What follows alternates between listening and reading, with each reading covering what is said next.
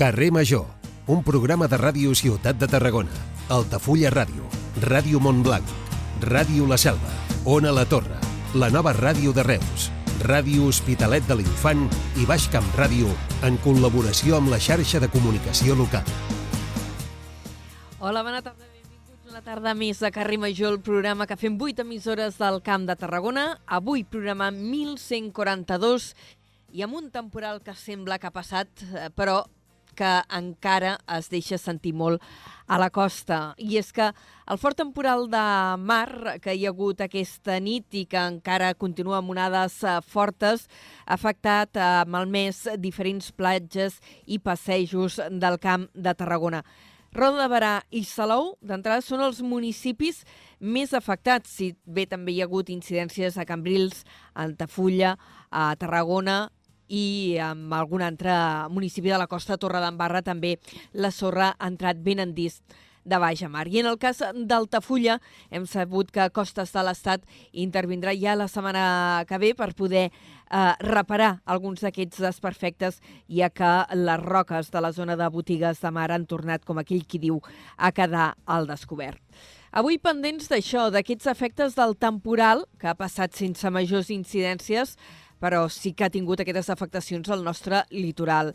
I indignats per un cas, una situació d'aquelles particulars, però que ens deixa amb el cor encongit. I és que una veïna de Reus ha estat desnonada del pis on ha estat vivint des de feia 9 anys perquè se li ha acabat el contracte de lloguer. Segons han explicat des del Sindicat d'Habitatges de Reus, l'any 2019 l'empresa Teixidor, que és la propietària de l'immoble, hauria notificat a la Lucía que no li renovaria el contracte, tot i que ella s'hauria ofert a pagar una quota mensual superior, així com a avançar la totalitat d'un any sencer. Després de tres intents, aquest divendres, l'han fet fora de casa. Un cop al carrer, la Lucía, acompanyada d'una vintena de persones, s'ha desplaçat fins a l'Ajuntament per exigir una solució d'aquestes notícies que ens trasbalsen. I avui eh, també en parlarem, sobretot a l'informatiu, parlarem de nous projectes de Paraventura, que avui ha presentat una aliança amb el Futbol Club Barcelona. I a més, hem sentit declaracions del director general del parc temàtic, d'en David Garcia, assegurant que els possibles nous accionistes del parc d'atracció eh, mantindrien el nivell d'inversió que estava previst pels pròxims 5 anys. Tot això perquè ja sabeu que fa unes setmanes va sortir el rumor de que els actuals accionistes del parc es podrien vendre aquestes accions. Són temes que tractarem avui en aquesta primera hora de carrer Major, el carrer Major del Camp de Tarragona, que ara comencem a recórrer les vuit emissores que fem possible aquest programa i en què estem implicats, ja ho sabeu, una gentada gent de l'equip de Ràdio Ciutat de Tarragona, la nova ràdio de Reus, Altafulla Ràdio Ona la Torre, Ràdio La Selva del Camp, Ràdio L'Hospitalet de l'Infant i Ràdio Montblanc. En aquesta primera hora us acompanyo jo mateixa, l'Anna Plaça, en nom de tot l'equip, al control tècnic. Avui tenim, si no m'equivoco, l'Eric Rosique des de Tarragona. Benvinguts.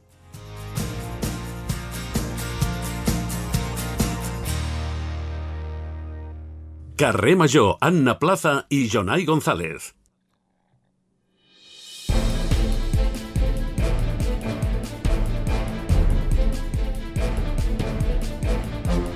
4 i 7 minuts i és el moment de repassar en forma de titulars les notícies més destacades del dia al Camp de Tarragona. Jonai González, bona tarda. Molt bona tarda.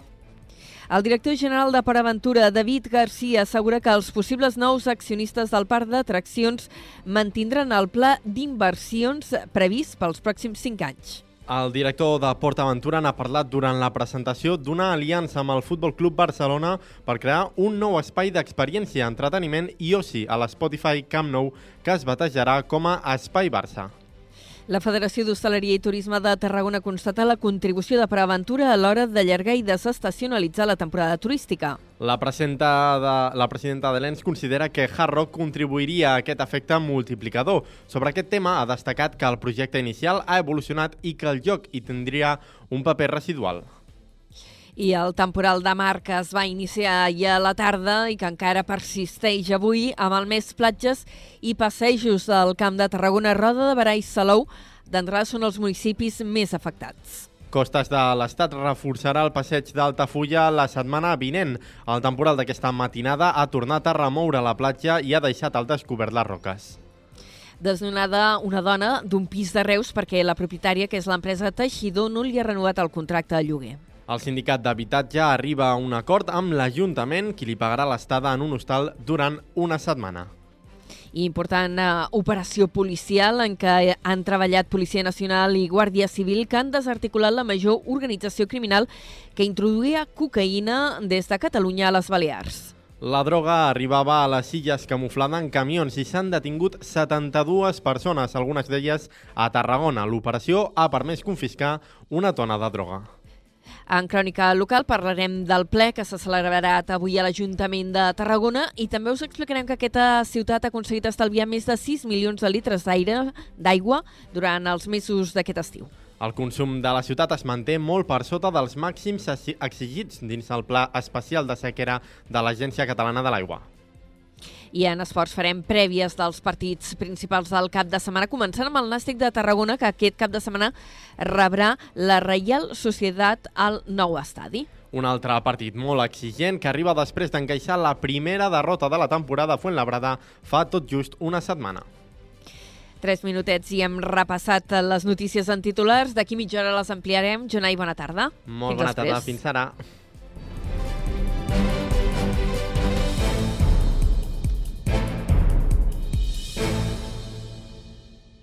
Carrer Major, Aleix Pérez.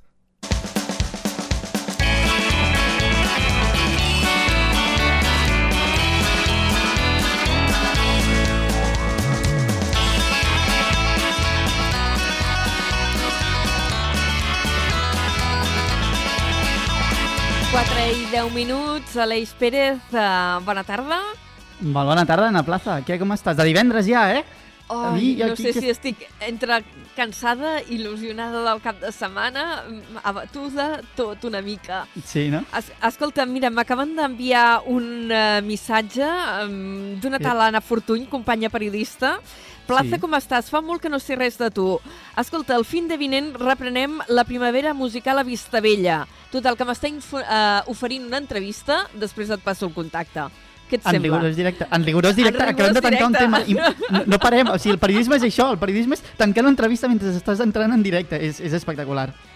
Espectacular. Després, després en parlarem a la, a la reunió. Doncs mira, ja tenim entrevistes per la setmana que ve. Això es va coent així, pim-pam, pim-pam, pim-pam. Exacte. Um, això serà la setmana que ve, ja parlarem de Vista Vella. Avui de què parlareu, Aleix? Mira, doncs, avui arrencarem amb el cos, el, una nova edició del, del, del, del cos que, que arriba a Reus i parlem amb el Daniel Requesens, el regidor de Cultura. També ha col·laboradors, avui també parlarem amb la Laia Pérez, que amb una mica també volem saber, conèixer com, com viuen els, els joves que se'n van estudiar d'Erasmus a l'estranger, en aquest cas a Itàlia. També és divendres... Ai, que bonic. Què? Ja has anat a Itàlia? T'agrada? A Itàlia hi he anat no d'Erasmus, eh? però hi he anat, mm, he tingut l'oportunitat d'anar-hi en tres o quatre ocasions i és que, és que tot el que he vist m'ha agradat tant i a més és que tornaria tot arreu, és meravellós. Fins i tot les parts més decrèpites que he vist de, de la zona de Pompeia, que té zones, a banda del jaciment, que és meravellós, eh? però el que és la ciutat té zones decrèpites, ai, tornaria demà mateix. És tan fantàstic tot allò. Doncs, ho, ho, i li preguntarem, li preguntaré a, a la Laia Pérez per, per Pompeia, a veure On què... està? On està ella d'Itàlia? A Milà, a Milà A està. Milà, home, a però Milà això està la punta. està la part Sí, exacta, clar, està ha al Moni. nord. És, és una altra pel·lícula, allò. Efectivament. Ai, que bé. Eh, Què Saps on més? també hi ha molts, molts, molts diners? Bueno, potser no tants. Els tonis, efectivament. Els Home. tonis. Els Els- tonis. Home, el Toni ha de manejar, el Toni Mateu s'ha de manejar Sí, pasta sí, perquè sí, s'han sí. anat de creuer, eh? I tant, i tant. Allí jo ja estic tenim. segur. Estic segur. Doncs mira, els tonis parlaran de videojocs online i també com preparen el, el Halloween, no? Que són una relació de dos conceptes que potser poden semblar una mica estranyes com a vegades passen els tonis, però quan t'ho expliquen doncs, acaba tenint doncs, tot el sentit del món. Molt bé. Veurem També, aquestes... Uh, sí. Sí, sí, aquestes uh, relacions així peculiars. Que Què només poden fer ells, exacte. Són, Sí. són tots...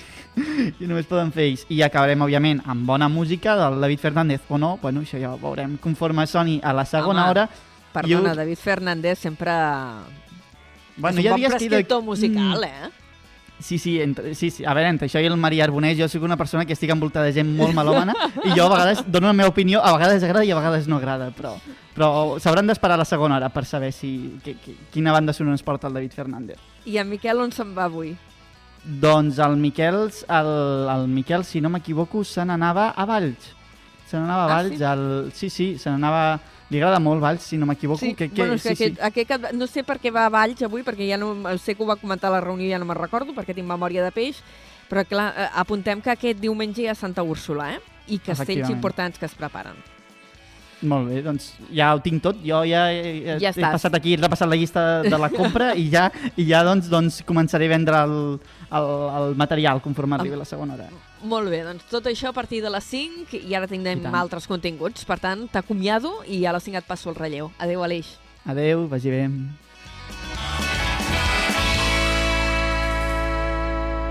Cada tarda de dilluns a divendres fem parada a Carrer Major.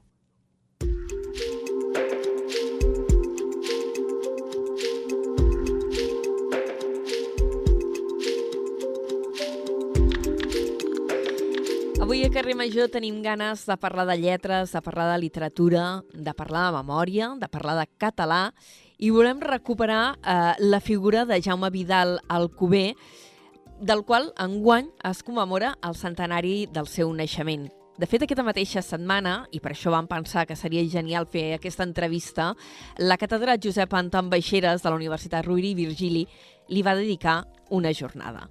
I d'aquesta jornada i de la figura de Jaume Vidal Alcover en volem parlar amb la nostra convidada d'avui, que és la Montse Palau, professora de Filologia Catalana a la Rovira i Virgili. Montse, bona tarda. Hola, molt bona tarda, Anna. Uh, bona tarda, Anna, i permeteu-me, uh, tant tu, Anna, com l'Aleix, amb això dels Erasmus, és que teniu una sèrie.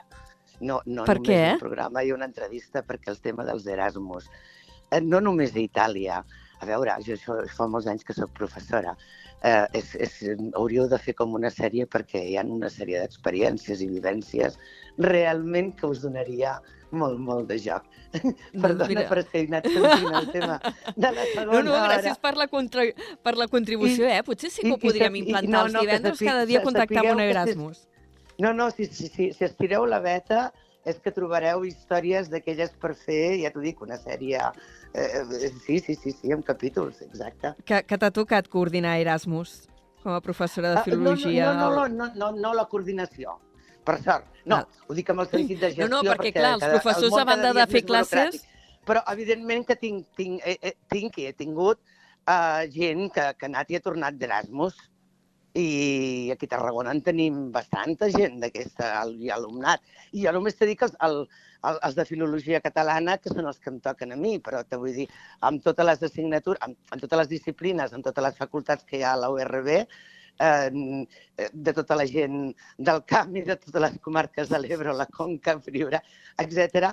És que us ho dic perquè entre tots els països en què la URB té conveni per fer Erasmus, amb totes les experiències, amb tot tipus d'universitats, és, és que de veritat que és una veta d'aquelles que aprofiteu-la. Bueno, Gent, gent que va allà i gent que ve aquí, eh? Ah, gent que ve aquí, també, sí, sí, sí, sí. sí. I a més hi ha una, I- un, una altra cosa. I, I alguns que que, es hem de parlar queden. del Jaume Vidal Alcover. Sí, Mira, sí. un- una cosa molt... Perdona, no, però una, una cosa que, que, que és molt interessant, sobretot per la gent que ve a estudiar a, a, la, a, la, a les facultats... Bé, tam, tam, també les de Reus, no? però sobretot les de Tarragona, t'ho dic perquè, per la misericòrdia, perquè arriben al setembre, no? I, I una de les primeres coses que es troben molt aviat és Santa Tecla, o en el cas també de la misericòrdia. I clar, de segons quins països venen, eh, sobretot el que podríem dir del nord d'Europa, això de tant de carrer, de tanta vida al carrer i tot plegat, i les bèsties i els seguicis i el foc, eh, eh, els, els deixa però garrativats, no? En certa manera, estupefactes. Això li havia sentit, i segurament la coneixeràs, li havia sentit explicar una companya periodista que es va formar aquí a la URB, o va acabar la carrera aquí a la URB, que és la Helle Kettner, que és de, és Sí. de Dinamarca, ara em Sí, sembla que sí, està sí. treballant al Departament de Presidència de, Mm. de la Generalitat, o de Vicepresidència, no sé quin dels dos. I, Sí. I ella ho explicava, vaig arribar aquí per Santa Tecla i no m'ho podia creure. Clar. No, no, és que clar, com que arriben al setembre, um, per, per, fer primer, diguem-ne, les jornades d'acollida, per, per entendre's per totes les qüestions, etc. Però és que, clar, arriben al voltant de Santa Tecla i de cop i volta de... de a veure, si tu vens d'Itàlia ja saps de la cultura del carrer i, i del foc i de la gresca, no? Però segons quins altres països, eh, trobar-se allò, tota la gent al carrer, sense horari, sense dia, sense nit, és, és, és espectacular, sí, per ells, sí. Amb la Montse Palau l'havíem enredat per parlar de Jaume Vidal Alcover. Ai, Ara, ara estem parlant No, d'Erasmus, però estat- ja m'agrada, eh, que les entrevistes siguin escoltant, vives. Eh? Perdoneu. No, Eh, I que no és perdona? bonic, això. Això fa més viu el Ah, sí. programa. Però, ah, sí, però no, no, no, no, no, el que passa que ho, ho sentia i pensava, si tiren de beta, és, és que tenen... Aquí no vegis quin munt d'històries, no? Doncs estirarem, estirarem. Uh, Centrem-nos, Sí, però, sí. en la figura de, de Jaume Vidal Alcover, una mica amb l'excusa d'aquest centenari del seu naixement. Aquesta setmana li vau, per dir-ho d'alguna manera, retre un homenatge al Departament de Filologia de la URB, de la qual, d'alguna manera, se'l pot considerar el pare. Sí, exactament. Um, sabeu que al començament es van obrir, com si diguéssim, unes aules de la Universitat de, de Barcelona a Tarragona, que era el curs 71-72. A poc a poc es va anar convertint en delegació setena de la Universitat de Barcelona fins que vam esdevenir Universitat Rovira i Virgili. En aquesta primera part eh, s'impartia filosofia i lletres i aleshores, a poc a poc, eh, s'anaven incorporant a professors, sobretot, evidentment, molt, molts també de tarragonins, però vin- vinguts d'altres indrets, per impartir assignatures. Per exemple, eh, per impartir eh, llengua catalana, el Quim Mallafrè de Reus, o el Joan Solà, que també va estar aquí un parell d'anys, i aleshores, per una oportunitat d'aquestes, també per impartir literatura, en Jaume Vidal Alcover.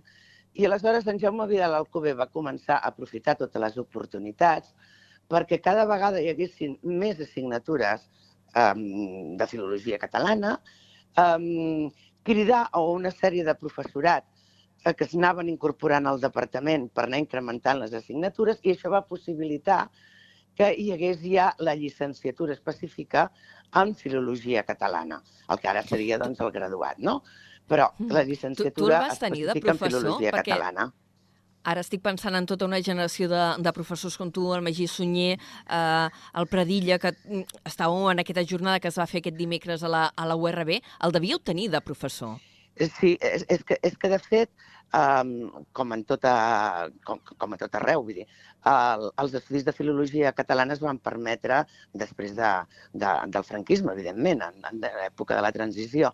I aleshores eh, eren dos anys més, diguem-ne, de cursos meus, els primers que es van llicenciar a la URB, ara per entendre'ns, en filologia catalana. I aleshores jo eh, vaig tenir en, en, en Jaume Vidal Alcover, com, com altres que has dit tu, primer com a professor, un professor increïble, creatiu, acollidor, perquè és que a més a més ja va establir molt aviat eh, relacions personals amb la gent, després com a eh, col·lega en, en, en tots els respectes al departament com a professor al seu costat i, eh, evidentment, com una admiradora de tot el seu llegat i la seva obra. Eh, Jaume Vidal i Alcover va arribar a Tarragona l'any 72, eh, i eh, ara ho explicaves amb aquest procés eh, fundacional del que eh, posteriorment seria la, la Universitat Rovira i Virgili, llavors encara era una delegació de la Universitat de Barcelona. No ho va fer sol, eh, va arribar amb la que era la seva companya, amb la Maria Eulèlia Sí. Campmany, escriptora també, i sempre he sentit a dir que van tenir ja no només uh, un paper molt destacat en, en aquest cas dels estudis de filologia de Jaume Vidal Alcover, però també en general en el que era la vida cultural que començava a ser una mica efervescent uh, a Tarragona, en aquesta Tarragona dels final del franquisme. Ah, sí, eh, i això també va ser una de les coses que va convèncer en Jaume Vidal Alcover per quedar-se, instal·lar-se a Tarragona i continuar com a, com a docent. A banda que deia que Tarragona li recordava Palma de Mallorca, eh? i a més ell vivia davant de la catedral. Perquè ell no? era, ell era mallorquí, sí, sí. Sí, no, Digues, però digues. va ser... Uh, també va ser això en Gabriel Xamar, amb Josep Anton Baixeres, en Pere, en Pere Lloret, amb la Glòria Malé, és a dir, tota una sèrie de gent de la seva generació eh, que havia una activitat cultural que els portaven, eh, per exemple, això que deia a, a, la selva del, de, del camp, o la, al començament de la llibreria de la Rambla, el començament d'Òmnium Cultural, perquè tot això també passa per tota aquesta gent, i sobretot Josep Anton Baixeres, no? I tant amb ell com a la Maria Aurelia Campmany. I, i, i aquest teixit eh, que, que ells vivien tan d'oci, eh, també, perquè vull dir, es trobaven per altres, per dinars i sopars, enteneu-me, eh, però al mateix temps aquest teixit cultural i d'activisme cultural mm, va ser també una manera que, que el Jaume en aquesta generació s'establís i, i decidís instal·lar-se a Tarragona com, com a docent, és a dir, com, com, com la seva dedicació completa com a docent de, de, de professorat, de, de professor. I perdoneu les, les sigles, però ja sabeu que, que estem acostumats quan dic URB, vol dir la Rovira i Virgili, clar. Bueno, jo me'n recordo una regidora que li deia URV i jo a vegades encara en plan de... No encara ho dic, eh, així, en, en línia interna, eh? No, no, no, és que estem parlant sempre amb sigles i cadascú les sigles del seu argot professional, no? I Però jo crec que aquestes moment... ja estan molt institucionalitzades, eh? Jo crec que mm. fora de, del que és la universitat ja tothom reconeix les sigles sí, de URB. Sí, sí, sí, però Això crec que ens per, ho podem permetre. per no repetir tantes vegades Universitat Rovira i Virgili, perquè durant tots els dies i tots els documents ho estàs fent i aleshores ho simplifiques. Uh, uh, Jaume Vidal Alcover, quan, quan, eh, quan va arribar a Tarragona, clar, hi ha una cosa que jo no sabia, perquè jo sempre l'havia relacionat amb el món literari, sabia que era un senyor amb una extensa producció, però avui he descobert que uh, els estudis de filologia ell ja els va completar de gran, perquè ell havia estudiat dret. Sí, a veure, en, en Jaume Vidal Alcover uh, era d'una família bé, per entendre's, uns senyors de, de, de Mallorca. El seu oncle era Joan Alcover, eh, el poeta Joan Alcover, al costat de, de Miquel Costa i Llobera, l'escola mallorquina, per situar-nos, uh mhm. -huh. però el pare de Jaume Vidal Alcover era notari, vull dir, advocat i notari. I eh, el Jaume estava destinat, com a fill gran, a ser notari. I aleshores ell va començar els estudis d'advocat, primer a, a Madrid, un any, el que passa que mm, el van fer fora de la residència, tot i que va treure molt bones notes, però per altres qüestions. Va fer un segon any a, a, a València, però al, al, al, al final ell tot això ho va abandonar. I va començar tranquil·lament, eh, tranquil·lament, la carrera de filologia i eh, realment la va acabar l'any 70, exacte, sí, sí, sí, sí, sí. Després, evidentment, va ser a partir d'aquí una qüestió vertiginosa pel, pel que havia publicat, eh, pel que sabia i tot plegat, doncs és a dir, acabar la carrera, fa la tesi doctoral um, en, en, i arribar a catedràtic d'universitat, no? Però vull dir, clar, en pocs anys, però una mica com en Joan Fuster, mm, valguin les comparacions, no? Mm -hmm. amb una obra molt extensa, perquè a més havia tocat tots els pals, eh, novel·la, poesia, teatre, i potser pel que eh, és més reconegut, i ara perquè a Tarragona també hi ha un premi que porta el seu nom, l'àmbit de la traducció, eh, és prou reconeguda la seva obra o, o ha quedat com a molt aparcada? A veure, um, han quedat moltes obres aparcades, també la seva.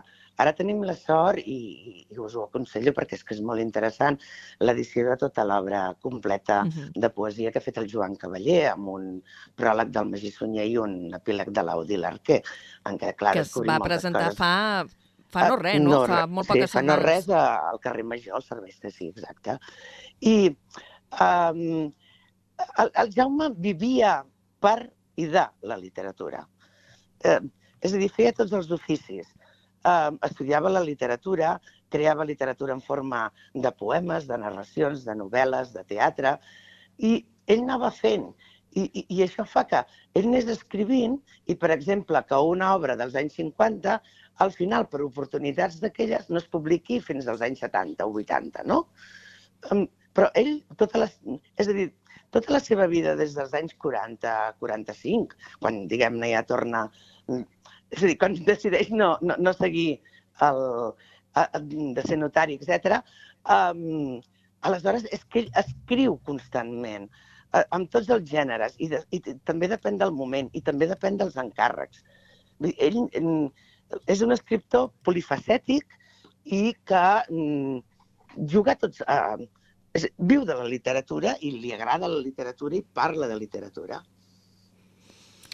Um, parlar de literatura i, i de traduccions, perquè entre els autors que he vist que havia traduït, Marcel Proust, Rimbaud, sí. Bertolt Brecht... Sí, sí. sí. Escriptors és, és dir, també complexos, el, el... eh? Penso en l'extensió de l'obra de Marcel Proust, sobretot extensió, sí. potser no. complexitat més el James Joyce, que abans que has esmentat el Quim Mallafré era el traductor al català de, de l'Ulisses, sí, no? Sí, Però... sí, sí, sí, sí, sí. Sí, no, eh, eh, és evident. El, el, el que passa que des de, fins d'ara, clar, des del, meu, des del punt de vista, um, crec que tot, totes les facetes de, de, de, de, de Jaume Vidal Alcover són importants i justament la, la, el, el, els Premis de Tarragona han agafat aquesta de traductor, que també és important, no?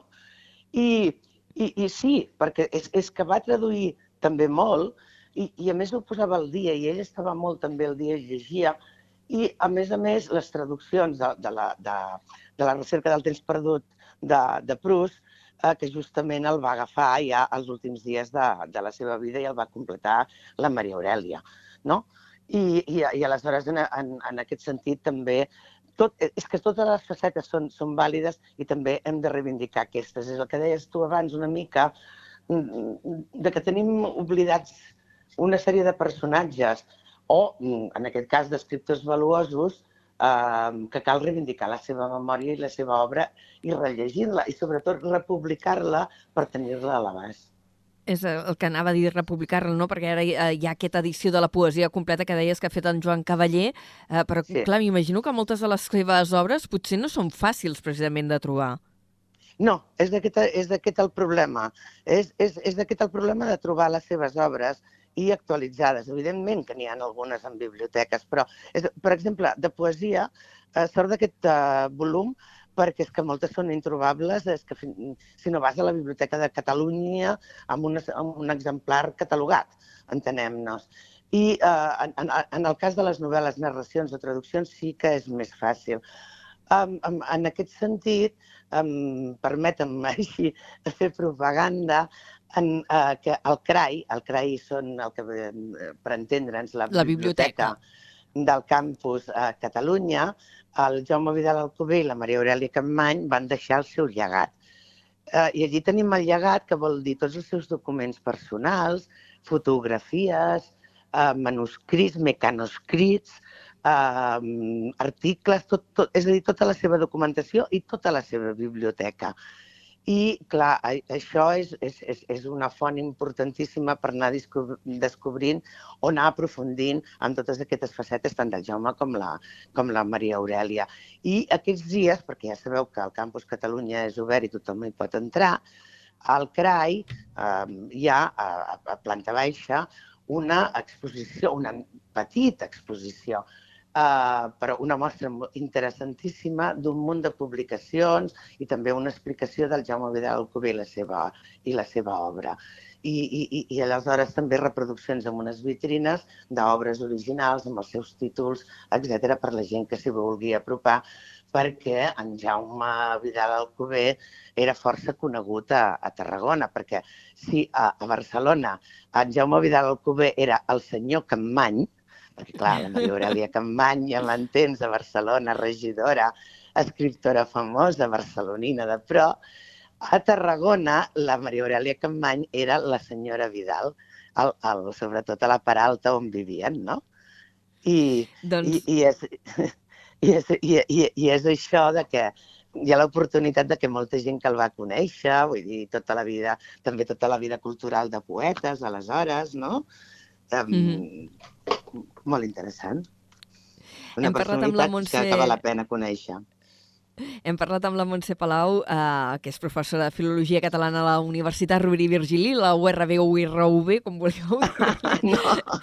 no, no, URB. Eh, sobre en Josep Vidal Alcover, necessitat de, de recuperar la memòria, eh, la nostra memòria literària, la nostra memòria cultural, que ha marcat tota una generació, la vostra, que la nostra sí. potser encara ens ha arribat bastant, i, però deixem un llegat també per les, eh, per les futures generacions. Montse, moltes gràcies per haver-nos aproximat avui a aquesta figura. I moltes gràcies a vosaltres perquè he començat per no tocar Gràcies. no, no, però ha sigut així, ha quedat molt... ha sigut divertit. Ja m'agrada no, que el programa sigui viu. No, és que anava sentint i pensava, ui, aquí... Quin, ui, quin, històries d'Erasmus. Sí, exacte. Montserrat, moltes gràcies. Fins la A pròxima. vosaltres. Adeu. Adéu. Carrer Major, a la teva ràdio de proximitat.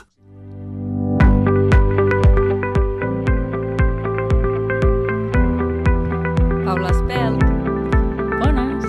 tu has anat d'Erasmus? No, no fas massa coses per haver tingut temps d'anar d'Erasmus. No, però jo, so, jo era la que organitzava el, el viatge quan els Erasmus arribaven aquí, els hi organitzava activitats. Uh, la Paula Espelt està est- ultimant els estudis de, de comunicació, periodisme, publicitat, no sé, fa tantes coses aquesta dona, i entre les moltes coses que fa uh, hi ha un programa de cinema que es diu No som ningú, Sí. i se n'heu anat a Sitges. Sí, sé sí. que has passat 10 dies intensíssims a Sitges. Sí, o sigui, jo crec que Sitges ha posat a prova que aquest any era el primer cop que anava el meu amor pel cinema, perquè allò d'estar sí, rodejada de cinema 14 hores al dia ha sigut intens. Ha sigut intens. Has tingut oportunitat de fer entrevistes, de fer catifes vermelles. Sí. I avui volem aprofitar part del material que has pogut gravar. Eh, José Antonio Bayona, eh? Sí. la Què veritat. tal? Va ser majo? Eh, increïble. Primer, el, el primer aprovament va ser estrany, perquè jo crec que li vaig fer una pregunta que no li va agradar gaire a la catifa Ai, mare. vermella. Ai, a la catifa vermella, perdó, a la roda de premsa, i dic, potser la catifa vermella fa com que no em veu, però sí, sí, va apropar-se supermaco. Em va sobtar que, clar, jo faig metre 75 i ell fa metre 57. Llavors, clar, de sobte dic, ui, me l'imaginava més alt, no sé per què.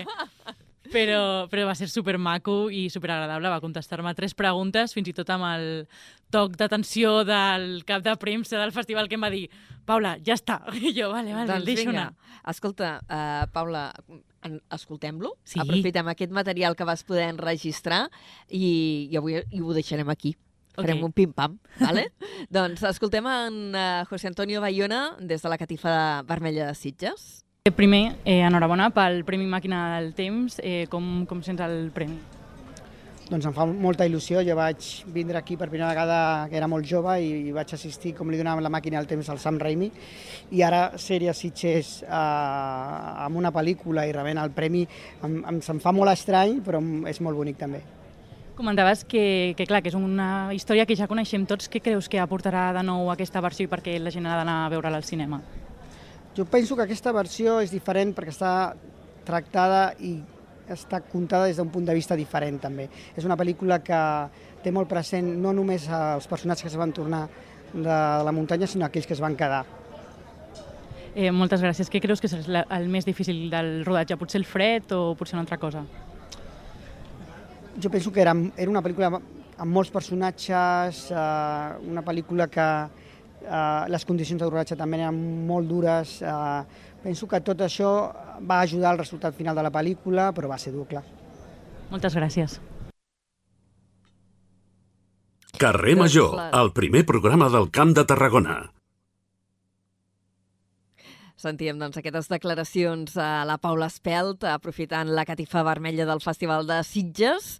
Tindrem oportunitat en d'altres programes de parlar molt més detall de, de Sitges i d'entrevistes que ha fet i de la seva valoració de pel·lícules amb la Paula Espelt, que l'hem contactada eh, com a doncs, especialista en cinema, que aquí estem en formació. Anem cap a les notícies.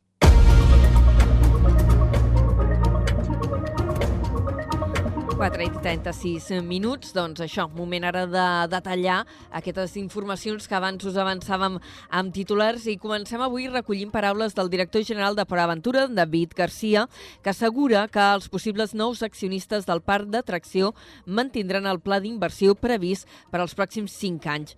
El responsable del parc temàtic s'ha referit avui en aquests termes a la possible venda del complex per part dels accionistes majoritaris. Garcia ha recordat que des dels seus inicis PortAventura ha anat canviant de mans i això no ha frenat el seu desenvolupament.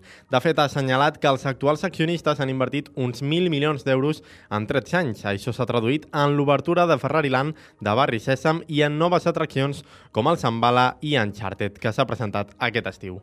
Pase lo que pase en el futuro, yo creo que cualquier persona que, cualquier empresa que venga tiene que ver esto como un, un lugar único para seguir invirtiendo en el crecimiento. ¿eh? Nosotros tenemos un plan a cinco años con el accionista actual eh, para seguir creciendo con, con cosas nuevas en los El director general de PortAventura també ha assenyalat que la prolongació de la temporada, que es va iniciar per Carnaval, ha permès que el parc es torni a situar en xifres rècord de visitants. Sí, nosotros hemos eh, apostado por, eh, por alargar la temporada porque pensamos que el producto que tenemos eh, eh, lo merece. ¿no? Entonces este año haremos un récord de, de visitas, estamos entre 5,3 5,4 millones de visitas que haremos este año, lo dije al principio de temporada, se va a cumplir. Gracias a Carnaval, en Carnaval tuvimos, esperábamos 40.000 personas y tuvimos 120.000 personas. El cap de PortAventura també ha qualificat d'oportunitat única per al territori el projecte de Hard Rock. Creu que permetria treure clients asiàtics i nord-americans. De tots aquests temes, el director de PortAventura n'ha parlat avui durant la presentació d'una aliança amb el Futbol Club Barcelona per crear un nou espai d'experiència, entrenament i oci a l'Spotify Camp Nou, que es batejarà com Espai Barça. L'acord també inclourà una nova atracció de la qual de moment no s'han donat més detalls. Així mateix, l'entesa preveu la construcció de parcs arreu del món d'un mínim de 7 hectàrees de superfície, tal com ja ha fet amb altres socis, com és el cas de Ferrari. La, la idea es trabajar con ellos eh, en hacer una zona de entretenimiento dentro del nuevo Spy Barça, ¿no? con una, una atracción que estamos diseñando para que la gente amante de- del Barça, amante del fútbol, pues también pueda tener una experiencia de entretenimiento al lado del campo, en este Spy Barça. Esa es la primera fase y la segunda fase que estamos mirando con ellos también es pues, eh, a- a- abrir zonas de entretenimiento ligadas al Barça a nivel mundial.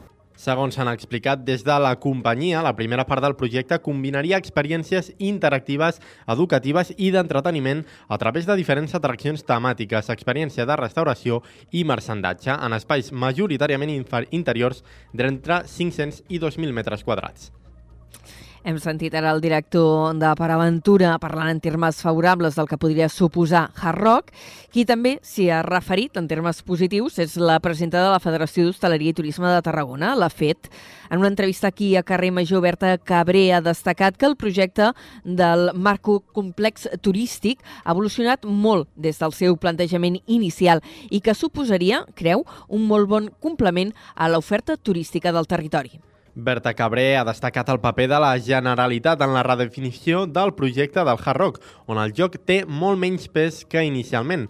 De fet, la presidenta de la Federació d'Hostaleria afirma que el pes del joc serà residual en l'oferta de Hard Rock i que el més important és tota la zona de compres que es preveu fer. Evidentment, Hard Rock també sumaria. Hard Rock és una marca a nivell internacional i, per tant, el fet de, de poder eh, dir que, que Hard Rock s'instal·la en la nostra destinació suma positivament. Eh, és un producte que complementa, és una oferta de shopping que, que vinculada doncs, en aquest turisme de shopping que nosaltres encara no tenim a la destinació. Només parlem del joc quan a vegades parlem de Hard Rock. El joc és residual en Hard Rock. El que és important és l'espai aquest de shopping i, i per nosaltres creiem que seria un producte interessantíssim. Berta Cabré, de fet, creu que Hard Rock seria un revulsiu, com en el seu dia ho va ser PortAventura. La presidenta de la FED ha destacat que ara ningú qüestiona ja el parc temàtic i ha assenyalat l'impacte que està tenint per desestacionalitzar l'activitat turística. Cabré ha assenyalat que l'avançament de l'obertura al Carnaval ha tingut un efecte molt positiu. Sí, sí que ho hem notat. Eh, PortAventura és un motor tractor del que ens passa a la zona i el fet de que PortAventura estigui obert ja tots els mesos de l'any és una font inspiradora per poder dir que som un destí de 365 dies l'any. Com el director general de PortAventura, la presidenta de la FED tampoc s'ha mostrat preocupada per una eventual venda del parc temàtic. Protecció Civil ja ha desactivat l'Inoncat, el Bencat, eh, però el temporal de mar encara en certa manera persisteix i ha provocat eh, problemes o ha malmès platges i passejos de diversos municipis d'aquí, del Camp de Tarragona. Els que s'han vist més afectats han estat Roda de Barà i Salou, però també hi ha hagut incidències a Cambrils, Altafulla i Tarragona. A Roda de Barà, l'onatge amb el més part del passeig marítim, on algunes rajoles han quedat despreses i un mur s'ha trencat. També ha patit els efectes de la llevantada una guingueta de platja que ha perdut part dels fonaments i ha patit danys a l'estructura de fusta. A Salou, Cambrils i Torre d'Embarra, el mar ha pujat de nivell i ha traslladat part de la sorra de les, de les platges al passeig. Els equips de neteja confien en deixar-ho net durant les properes hores. D'altra banda, a Altafulla tenim que Costes de l'Estat s'ha compromès a reforçar la zona del passeig la setmana vinent. El temporal d'aquesta matinada ha tornat a remoure la platja, ha deixat al descobert de roques i ha taponat el canal amb sorra que s'ha de reubicar. Ens ho explica Pau Corbalan des d'Altafulla Ràdio. L'escollera de roques que sustenta el passeig de botigues de mar i que rep batzegades cada cop que hi ha un temporal serà arreglat la setmana que ve per costes de l'Estat, ja que es dona per finalitzada la temporada de turisme. La intenció és reconstruir i reforçar el passeig i la logística prevista consistirà en recollir les roques que ha escampat l'últim temporal per la sorra i tornar-les la intenció és reconstruir i reforçar el passeig i la logística prevista consistirà en recollir les roques que ha escampat l'últim temporal per la sorra i tornar-les al seu lloc, tot recol·locant també les roques que romanen sota el passeig. El regidor, el regidor de Turisme, Tomàs Serra, ha explicat que ja hi ha una grua tocada al Club Marítim preparada per dur a terme aquestes tasques a partir de dilluns. Davant la Nàutic hi ha una grua que està preparada perquè dilluns que ve començarà a desmuntar i muntar una altra vegada tota l'escollera de, de botigues de mar. Aquesta actuació ha sigut llargament reivindicada pels veïns de la zona i hauria de garantir la seguretat de l'estructura. Moltes gràcies, uh, Pau. Uh, per cert, uh, que dilluns que ve, recordem, que s'obre el trànsit finalment al túnel del Coll de l'Illa, el tram que completa l'autovia A27 que va des de Tarragona fins a Montblanc, aquest darrer tram, el més complicat de tots, el que va des de Valls a Montblanc. Una inauguració que ja s'ha confirmat, es farà a les 11 del matí, l'acte institucional, i s'ha confirmat que eh, hi assistirà la ministra de Transports en funcions, Raquel Sánchez. Dit això, eh, parlem també d'una notícia d'aquelles que no ens agraden eh, perquè eh, explica una situació personal molt complicada i es tracta del desnonament d'una dona eh, d'un pis de Reus perquè la propietària eh, d'aquest immoble, l'empresa Teixidor, no li ha renovat el contracte. Segons han explicat des del Sindicat d'Habitatge de Reus, l'any 2019 l'empresa hauria notificat a la dona que no li volien renovar el contracte, tot i que ella s'hauria ofert a pagar més quota i també avançar la totalitat d'un any sencer. La dona vivia al pis des de l'any 2014. Després de tres intents, aquest divendres l'han fet fora de casa. Un cop al carrer, la Lucía, acompanyada d'una vintena de persones, s'ha desplaçat fins a l'Ajuntament per exigir una solució. El consistori s'ha compromès a pagar-li l'estada en un hostal durant una setmana, així com obrir una taula de negociació amb l'empresa Teixidor i més eh, qüestions. Ara ens fem ressò eh, d'una eh, important operació policial. Encara ha intervingut la Policia Nacional i la Guàrdia Civil que han desarticulat la major organització criminal que introduïa cocaïna des de Barcelona a les Illes Balears. La droga arribava a les illes camuflada en camions i s'han detingut 72 persones, algunes d'elles aquí a Tarragona. L'operació ha permès confiscar una tona de droga. La investigació, que va començar l'estiu de l'any passat, s'ha desenvolupat en quatre fases. En la darrera, la matinada d'aquest dimarts, es van fer entrades en una setantena de domicilis entre Palma, Barcelona i Tarragona i es van detenir una seixantena de persones. Tots els arrestats són d'origen colombià, dominicà i espanyol i en edats compreses entre els 20 i els 50 anys. Aquesta organització criminal estava fortament establerta des de fa 6 anys i comptaria amb una dotzena de conductors de trailers que introduïen 10 quilograms setmanals de cocaïna a les illes. La central nuclear d'Escó 1 s'atura per fer reparacions. En concret, els treballs es faran al sistema de refrigeració de l'alternador, eh, que és una part que correspon al sistema elèctric de la instal·lació. La central ha informat de l'aturada al Consell de Seguretat Nuclear i quan s'hagi acabat la intervenció i s'hagin fet les comprovacions pertinents, es tornarà a sincronitzar amb la xarxa elèctrica.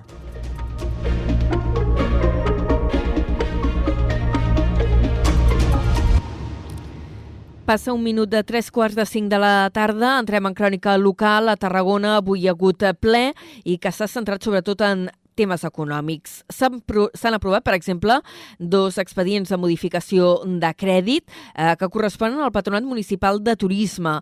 S'han eh, reformulat així partides que no s'han pogut aplicar per poder invertir aquests diners en altres projectes. I aquí hi ha hagut disparitat d'opinions. El republicà Xavi Puig lamenta l'eliminació de partides per a projectes estratègics, mentre que Jordi Collado d'en Comú Podem entén que aquestes partides s'utilitzin en altres projectes i demana una moratòria pels pisos turístics. La consellera d'Economia Isabel Mascaró ha assegurat que s'habiliten diners per arreglar el sostre que pateix goteres del Col·legi del Serrallo i per l'enllumenat de Nadal, entre d'altres. El modificatiu de crèdit s'ha aprovat amb el vot a favor del PSC, Junts, Vox, l'abstenció d'en Comú Podem i la negativa del Partit Popular i d'Esquerra Republicana i més eh, qüestions relacionades amb aquest ple, perquè també s'hi ha aprovat dotar eh, de pressupost, dotar de diners al projecte per arreglar les escales d'accés al pretori. Una intervenció que es durà a terme entre el que queda d'aquest 2003 i l'any vinent i que té un cost previst de 120.000 euros on s'han posat d'acord els grups polítics és en la falta d'equipaments a Llevant. És per això que el consistori s'ha compromès a habilitar el centre cívic de Llevant a la ciutat residencial. El plenari també ha rebutjat dues mocions antagòniques sobre l'amnistia. El PP demanava que l'Ajuntament es posicionés en contra de la tramitació de la llei d'amnistia i només s'han trobat a Vox al seu costat. D'altra banda, Esquerra Republicana presentava una moció on demanaven el dret de l'autodeterminació que tampoc ha prosperat. Tarragona estalvia més de 6 milions de litres d'aigua durant els mesos d'estiu. El consum de la ciutat s'ha pogut mantenir, diuen des de l'Ajuntament, molt per sota dels màxims que exigia el Pla Especial de Sequera que ha elaborat l'Agència Catalana de l'Aigua. Les mesures d'estalvi aprovades per l'Ajuntament de Tarragona durant aquest estiu i la conscienciació ciutadana han donat aquest resultat. Les principals mesures per fer front a la sequera han estat el tancament total i posteriorment parcial de les dutxes i rentadors de peus a les platges, les restriccions en el rec de jardins i zones verdes municipals on només s'ha usat l'aigua mínima indispensable, el tancament de les fonts ornamentals o la reformulació d'activitats recreatives amb ús d'aigua, com és el cas de la remullada dins la programació de Sant Magí, que va ser reconvertida en la rebetlla il·luminada. Tal com detalla la Conselleria de Medi Ambient, Tarragona està i ha estat en tot moment molt per sota dels consums màxims exigits en el Pla Especial de Sequera. I a Reus també hi ha projectes per estalviar aigua, per millorar eficiència energètica i ara us expliquem del pla que té Redesa, l'empresa municipal, eh, per millorar l'eficiència energètica precisament d'una promoció d'habitatges, la de Mas Bertran. L'actuació se centra principalment en la millora de l'aïllament de la façana i la substitució de les fusteries de 30 habitatges. La finalitat d'aquesta intervenció és aconseguir una disminució en la demanda energètica de l'edifici. Aquest sistema s'instal·larà a la façana del carrer Pinto Fuster i a les zones que tenen una pitjor orientació. Les obres tenen un pressupost de gairebé 260.000 euros, un 44% dels quals han estat subvencionats per l'ajut que atorga l'Agència de l'Habitatge de Catalunya, concretament per valor de 113.000 euros provinents del Pla de Recuperació, Transformació i Resiliència finançat per la Unió Europea. Les obres tenen un termini d'execució execució de 3 mesos i està previst que es realitzin durant el segon trimestre de 2024. Un apunt de política també a Reus. Òscar Subirats ha pres possessió com a regidor d'Empresa, Formació i Ocupació, agafant el relleu de Carles Prats. Prats va renunciar al seu càrrec municipal en el ple del passat 29 de setembre i assumirà les funcions de regidor d'Empresa, Formació i Ocupació. I eh, ara parlem de l'Agència Catalana de, de l'Aigua, de nou, perquè vol construir una estació regeneradora d'aigua a Valls per destinar-la a rec. L'organisme ha posat a licitació la redacció del projecte constructiu. L'import és de 100.000 euros i la instal·lació aplicarà un tractament més avançat a l'aigua depurada i servirà així per garantir les demandes de rec de la Comunitat General de Regants de Valls. Actualment, la comunitat utilitza l'aigua dels torrents de la Samora i del Catllà, mitjançant rescloses dels diferents recs històrics i una xarxa de sèquies a cel obert. A Montblanc avui s'ha hagut de tallar un carrer, el carrer Solans, pel perill d'esfondrament d'una casa estarà tallat fins a finals de novembre, fins que els propietaris hauran enderrocat la casa. És una crònica de la Gemma Bufies, des de Ràdio Montblanc. Aquest divendres s'ha tancat el carrer Solans de Montblanc per l'amenaça de ruïna d'un immoble. Després d'analitzar l'estat de la casa situada al número 54, l'Ajuntament de Montblanc ha decidit tallar el trànsit de vehicles i també de persones pel perill real d'esfondrament de l'immoble. Els propietaris procediran a enderrocar la casa al llarg de les properes setmanes, però el carrer romandrà tallat fins aproximadament finals del mes de novembre. Per tal que els veïns i veïnes puguin accedir amb vehicle a casa seva, es permetrà el pas pels carrers Solans i Josa en direcció contrària fins a la reobertura del carrer.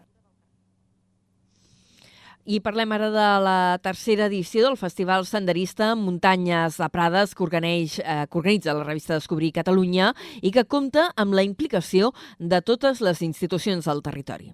Aquest oferirà una decena d'activitats destinades a posar en valor els productors locals d'aquest entorn.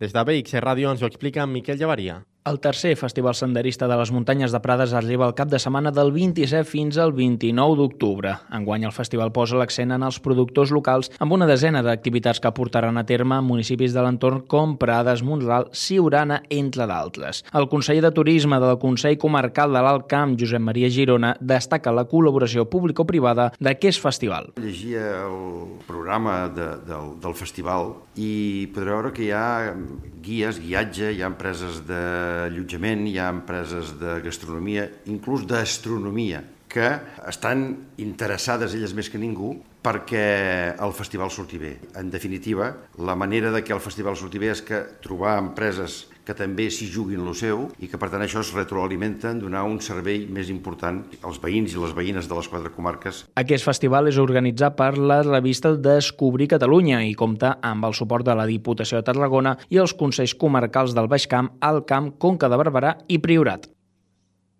I tancarem aquest bloc de l'informatiu explicant que els alumnes de la unitat d'escolarització compartida de Vandellós i l'Hospitalet de l'Infant han rebut avui divendres una visita especial, la de la responsable de l'expedició espanyola a l'Antàrtida, en Joan Riba. Dit això, anem als esports.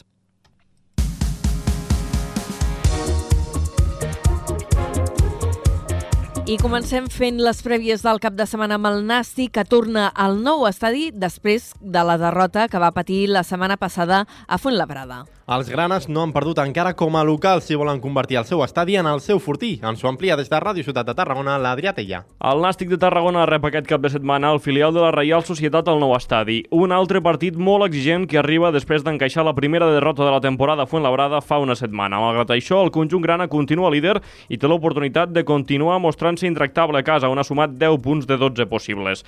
No serà fàcil, tindrà davant un rival extremadament complicat. El filial basc es troba en zona de play-off amb 14 punts a tan sols 3 del mateix Nàstic i havent encaixat només dos gols, els dos a pilota aturada. No els han marcat amb la pilota en joc. Tot i això, el tècnic del Nàstic, Dani Vidal, espera que els granes comptin amb l'afegit d'una bona entrada a les graderies del nou estadi, com ve sent habitual, i això pugui jugar un paper important. Al final te viene un equipo que tiene muchísimo talento, que es muy bueno, pero que es muy joven. Seguramente los tres desplazamientos que han tenido eh, no se han encontrado en en contracontextos como nosotros hemos vivido en casa los últimos partidos de 7.000 personas. Y está claro que nosotros les pondremos las cosas muy difíciles, pero si el domingo nuestra gente se comporta como, como se han venido comportando estas primeras jornadas en casa, eh, que nos arree cuando lo necesitemos, que cuando estemos bien nos dé ese empuje, pues está claro que, que vamos a ser mucho más peligrosos si, si el campo se comporta como han hecho estas jornadas en casa, que ha sido maravilloso. El duel es disputarà aquest diumenge a partir de les 5 de la tarda al nou estadi. I eh, pel que fa a bàsquet, a l'Alep Plata, el Salou busca la primera victòria com a local davant del líder de la categoria, el Cartagena. Per la seva banda, el Club Bàsquet Tarragona viatja al Ginet per capgirar la dinàmica i aconseguir ràpidament la primera victòria de la campanya.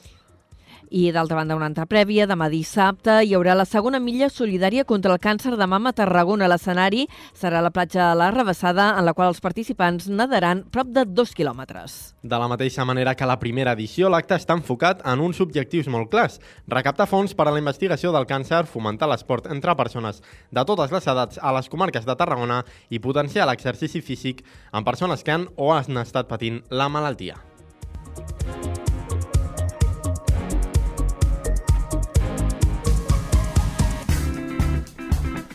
I entre les moltes propostes culturals del cap de setmana hi ha el COS, el Festival de Moviment i Teatre Gestual.